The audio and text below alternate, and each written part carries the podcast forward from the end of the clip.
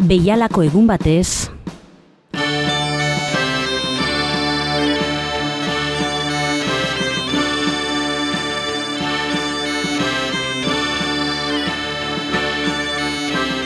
Gazteizko gertakariak deituko ditugunak mila bederatzireun eta irurogeita amaseiko martxoaren iruan Gazteizen greba orokor baten testu inguruan gertatutako istilu larriei eta hilgarriei esaten zaie.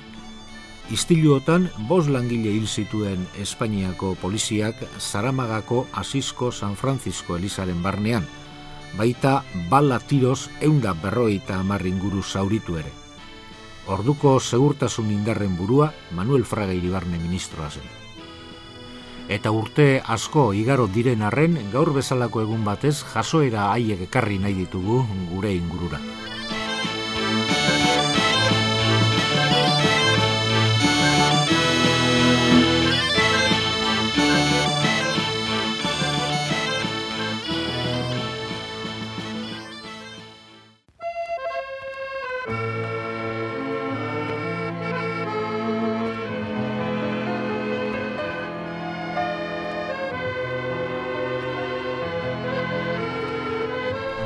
Mila bederatzireun eta irurogeita amaseiko martxoaren irua borroka luze baten egunik odoltsuena izan zen. Bost hilabete lehenago hil zen Franco diktadorea eta gizartearen sektorerik handienean basebilen askatasunen aldeko oiu ozena.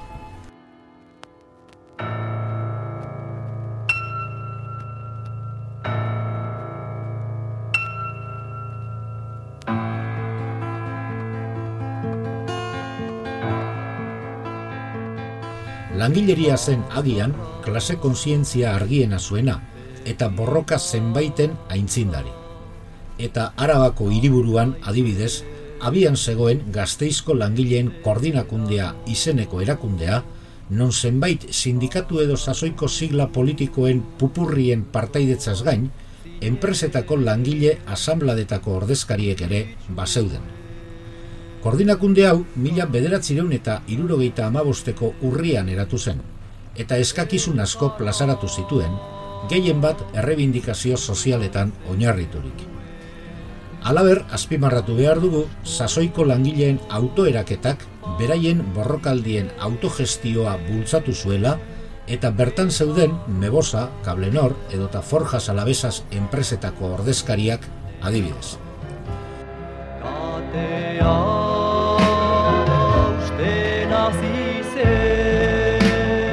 Bizkana bizkana, errebindikazio sozialei politikoak eta nazionalak ere gehitu zitzaizkien. Eta era berean, inguruko herrietako langileek ere bat egiten ari ziren hiriburuarekin. Halaber, borroka metodoa ere egonkortzen joan zen. Asambladak ziren erabakigune nagusiak, eta bertan, zuzenean hautatutako langileak ziren ordezkari bakarrak patronalarekiko grebaren bilakaeran eta elkartasun mugimenduetan.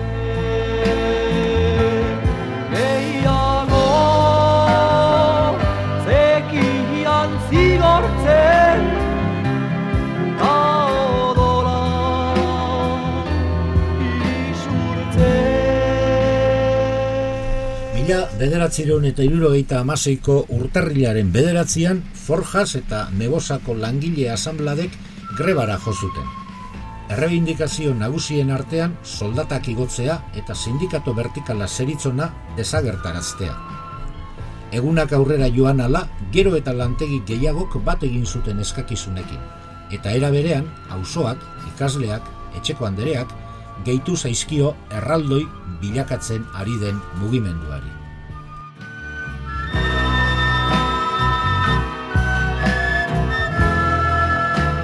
Patronala, bitartean, gotortu egin zen eta bere esku zituen tresna guztiak erabili zituen langile herritar batasun mugimendua zatitzeko. El Correo edo La Gazeta del Norte bezalako komunikabideak barne.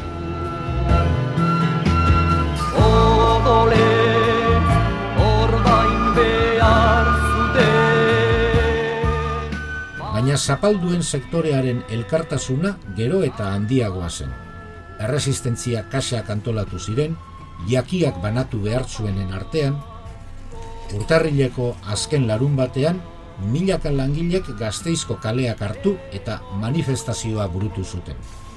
Berriro saiatu ziren otsailaren bian, baina polizia bortizki oldartu zitzaien.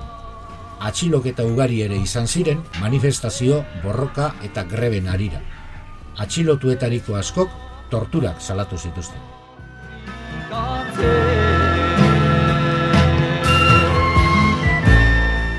Otsailaren amaseian lehen greba orokorrera deitu zuten eta nahikoa arrakastatxua gertatu zen. Bigarren greba orokorra otsailaren hogeita iruan egin zen eta ezen aurrekoa bezain arrakastatxua izan.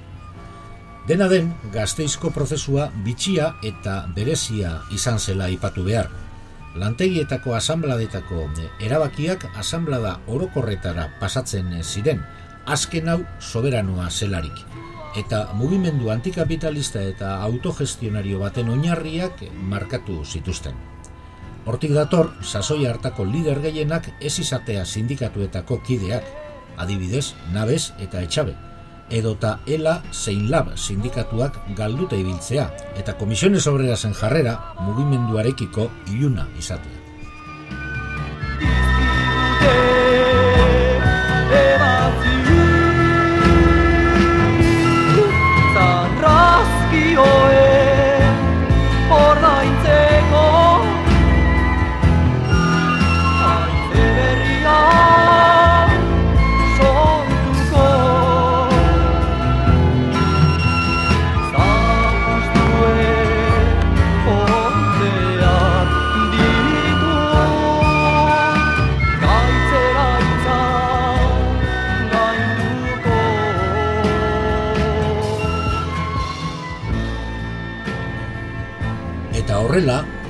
Borroka giro autogestionario honetan martxoaren irura heldu gara. Egun hartarako hirugarren greba orokorraren aldeko deialdia zegoen, fabriketatik kaleratuak berrartzearen alde. Aurreko egunetan asamblada asko egin ziren, gehienak elizetan. Gogoratu, indarrean zegoen konkordatuaren izenean, elizak babesguneak ez zirela eta zenbaitetan igandeko mesatan barne langileek hitza hartu eta errebindikazioak plazaratu zituzten.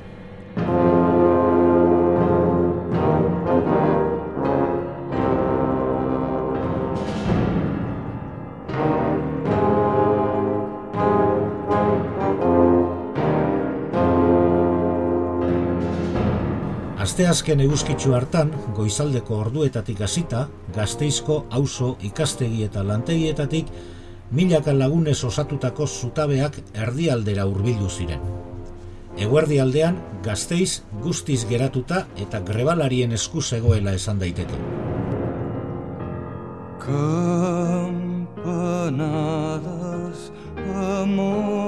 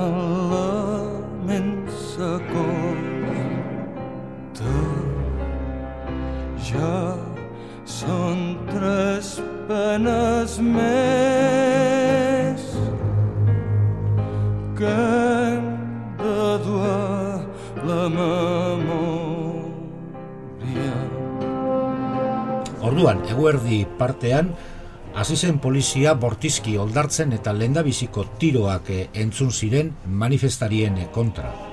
Arratzaldeko bostetan, asamblada orokorra zegoen deituta Zaramagako San Francisco Elizan, eta bertan, barru zein kanpoan, milaka lagun bilduta. Poliziak bere plan hiltzaileak prestatzen zituen bitartean. Polizia armatuari egin zitzaizkion grabazioak egoera gordinaren lekukotasuna erakusten digute. Adelante, Charlie, cambio.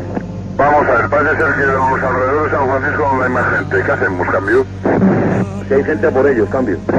Pero ten en cuenta que se meterán dentro de, de la sacristía, cambio. Claro, lo que pasa es que no tenemos todavía esas órdenes. De todas formas, tal como están las cosas, se puede entrar, cambio. Bueno, si tú lo dices. Vamos a por ahí. Charlie a Charlie 1, cambio. A Charlie 1, cambio. Aloja todo desalojable, cambio. Y hemos entrado dentro, pero esto está muy malo. Si no, si no, no, si no vamos a tener que emplear las armas de fuego, cambio. Vamos a dejar para mí un Charlie. Entonces el Charlie que vaya J2 y J3 desalojen la iglesia como sea cambio. No puede desalojar porque entonces está repleta de tiros. Repleta de tiros. Entonces, eh, por las afueras tenemos rodeados de personal. Vamos a tener que emplear las armas. Cambio. La la iglesia, cambio. Teresa, que venga aquí los Charlie porque estamos rodeados de gente. Al salir de la iglesia aquí va a ser un, un batallón. Vamos a televisar las armas, seguro además, ¿eh? Sacarlos como sea, cambio. Bueno, conforme, enterado. Adelante, adelante, V47. Dime con qué unidad estás y qué lío tenéis ahí, cambio. Doctor, aquí esto está hecho, están sacándolos todos para afuera ahora mismo en estos momentos. Pero vamos a ver, ¿estáis cargando o qué? Cambio. A tope.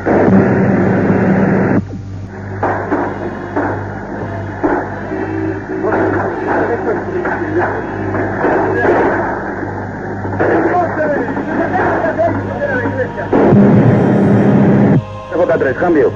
¿Qué pasa? fuerza aquí se va a hacer más de dos mil tiros ya, cambio. A ver ese fuego que ha sido. ¿Ha sido al aire, cambio? Te preguntaba a ver si estabas en el ajo ya. Ahí hay tiros y ahí de todo, cambio. Esta es la guerra en pleno. Se nos está terminando la munición, las granadas y nos están liando a piedras que no es posible defenderse con ellos. Digo, a ver si estás ya en el punto, en la iglesia de San Francisco. Por ahí creo que hay una batalla campal, cambio. He visto varios coches con un pañuelo blanco, quiere decir que hay heridos a Manta, ¿entiendes? Dijo que había heridos.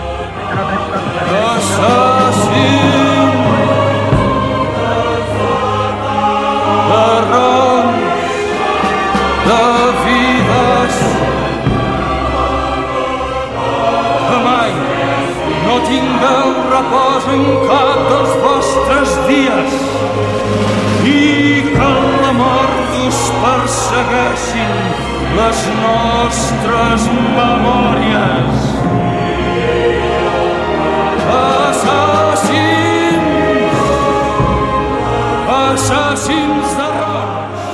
Tal está el asunto ahora por ahí? ¿Cambio?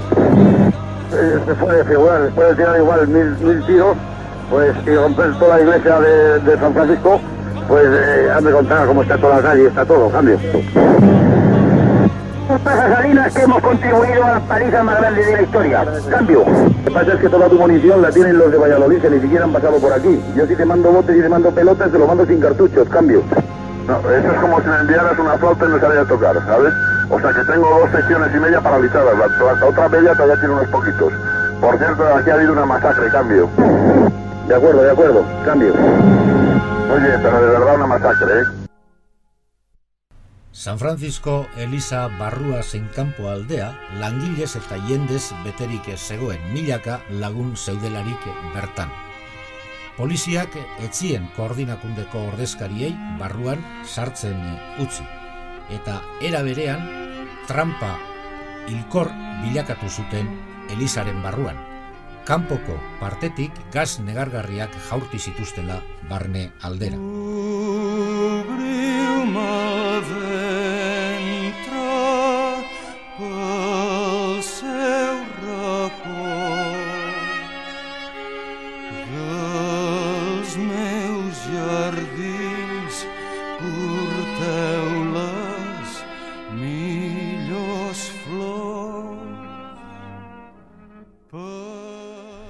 Eliza ustutzen hasi zenean, jendea bildurrez atera nahian ari zenean, poliziak pistolaz eta metralletaz tiro egin zien.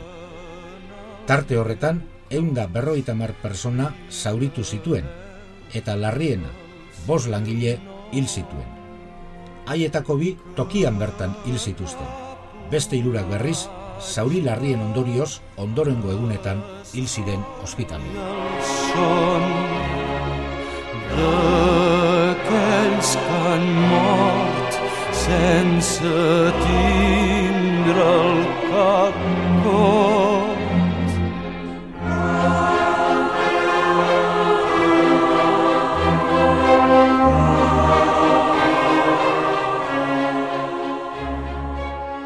Hildakoak honako hauek izan ziren. Pedro Mari Martínez Ocio, hogeita zazpi urtekoa, Forjas Alavesas lantegiko langilea. Francisco Aznar Clemente, amazazpi urtekoa, okindegi langilea eta ikaslea. Romualdo Barroso Chaparro, emeretzi urtekoa, Agrator enpresako langilea. Jose Castillo, hogeita mabi urtekoa, Grupo Arregi taldeko enpresa bateko langilea. Eta Bienvenido Pereda, hogeita mar urtekoa, Grupos Diferenciales enpresako langilea.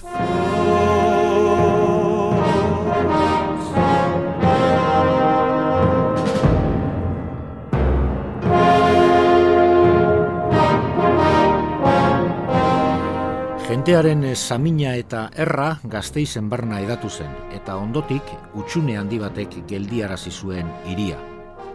Gazteiz poliziak hartuta geratu zen, eta Burgoseko kapitaniatik soldaduz betetako kamioiak ere urreratu ziren gazteizeren.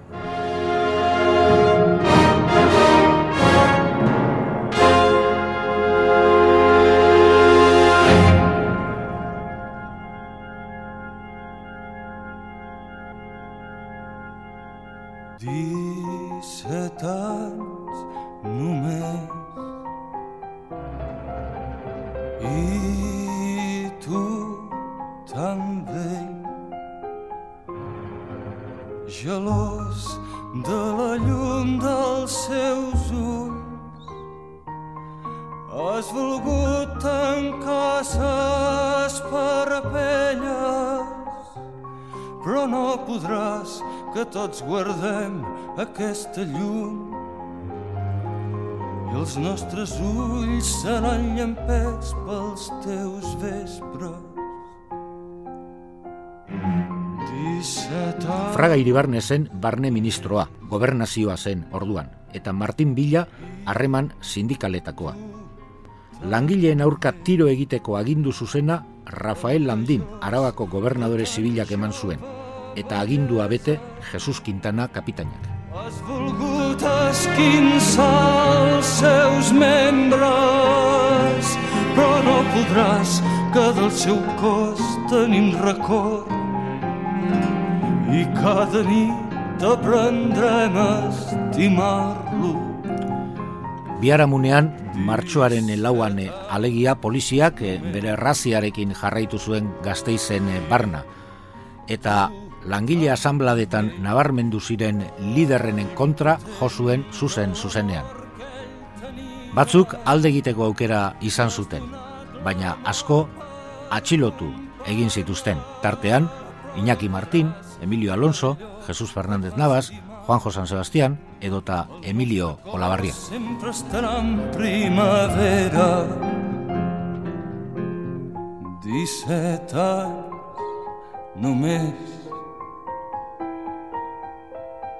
I tu tan vell Martxoaren bostean egin ziren hiletak eta gazteizko herri langilea bertaratu zen. Orduan ere, sumina eta samina nagusi, tentsioa eta malkoak non nahi eta sermoi gogorra, hilketak salatuz, egia galdetuz eta erantzunkizunak eskatuz. Ondoren egin zen eh, manifestazioan atxilotuen askatzea eskatu zen osenki. A ver, Pegaso, si no he entendido mal, creo que me has dicho primero que ha pasado por allí un féretro dentro de un furgón fúnebre y ahora tenéis otro féretro que va a hombros. Cambio. Efectivamente, esta es la información que tengo. Cambio. Recibido. Cambio. Efectivamente está pasando toda la comitiva, muchas coronas de flores, llevan un servicio ellos de cadenas laterales, pues cada vez van mm, calle Postas, dirección calle La Paz, Eh, por toda la- esta multitud que está por aquí, por estas locas calles, pues están aplaudiendo y de los balcones que tenemos encima nosotros la gente, insultos de los que pasan y seguimos con la paciencia, cambio. Recibido, recibido, continuar en esa, en, en esa tesitura, cambio. Cero para J1, cambio. Delante Pegaso cero, cambio. Las provocaciones ya se están pasando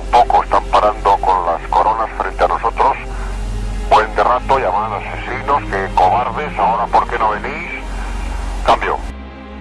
Parece ser, los tres féretros van a hombro, los están parando, estamos a 20 metros de ellos. La masa ya es bastante más considerable. Los gritos arrecian, asesinos, cobardes, escupen, cambio.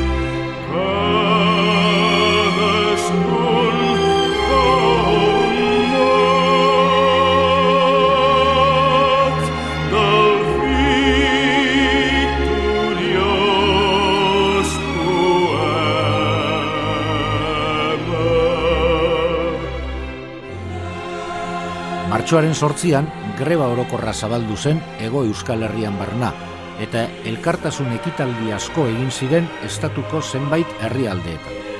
Mobilizazioetan poliziak beste bi lagun hil zituen, Vicente Anton Basaurin eta Juan Gabriel Rodrigo Tarragona. Atxiloketak ere dozenaka zenbatu ziren eta torturatuak berdin.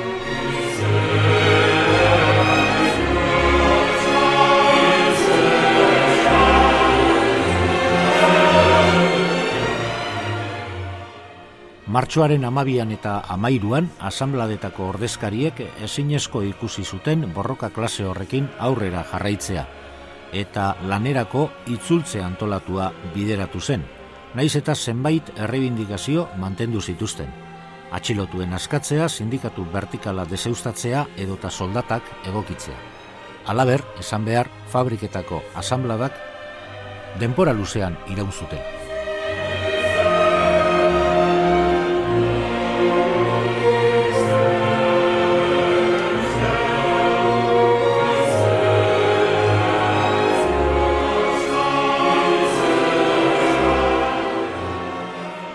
Borroka sasoi haiek gogoratuta honako irakaspenak atera ditzakegu, besteak beste, sasoi hartako esperientzietatik.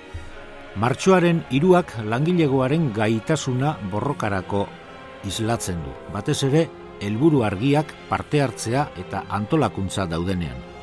Langile asambladak, autoorganizazioak, ordezkaritza zuzenak, eta abar funtzionatzen dutenean, gainontzeko erakundeak, sindikatuak barne, sobera daude. Gazteizen, bestalde, argi geratu zen langilegoa ezinbestekoa dela errealitatea aldatzeko. Eta era berean, gazteak, ikasleak, dendariak, etxeko andreak eta abar, bere ganatzeko gaitasun itzela duela langile klaseak. Eta azkenik esan, greba haietan errebindikazio ekonomiko ez gain, beste zenbait ere plazaratu zirela, langileen duintasuna, askatasun politikoak eta eskubide nazionalak barne.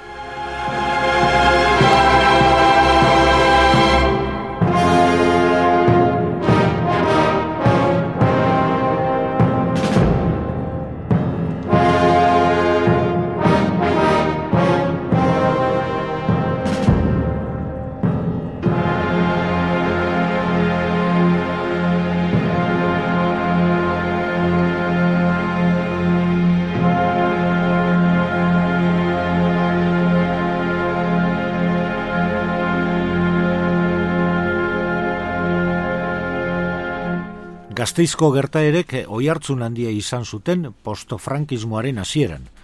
Erregimeneko sektorerik gogorrenak edo zertarako preste zeuden eta horrela frogatu zuten Gazteizko sarraskia burutuz.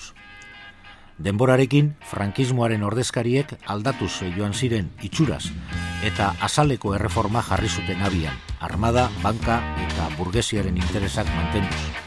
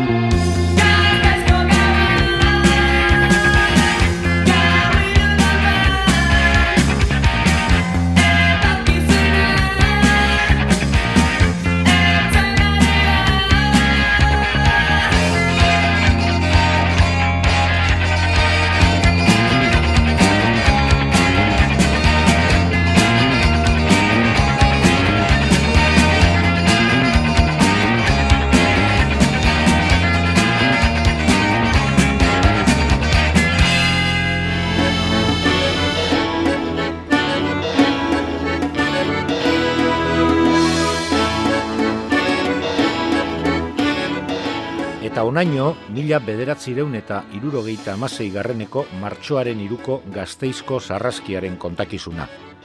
Labur bilduz, baina saiatu gara egiari atxikitzen. Besterik gabe, aipaditzagun bukatzeko, kontakizunaren zehar erabili ditugun kantak. Bosta izeetatik deia, Patxibil Amor eta Josu Zabalarena. Campanades Amor, Luis Iakena eta Gazteizko gaua, Saramarena.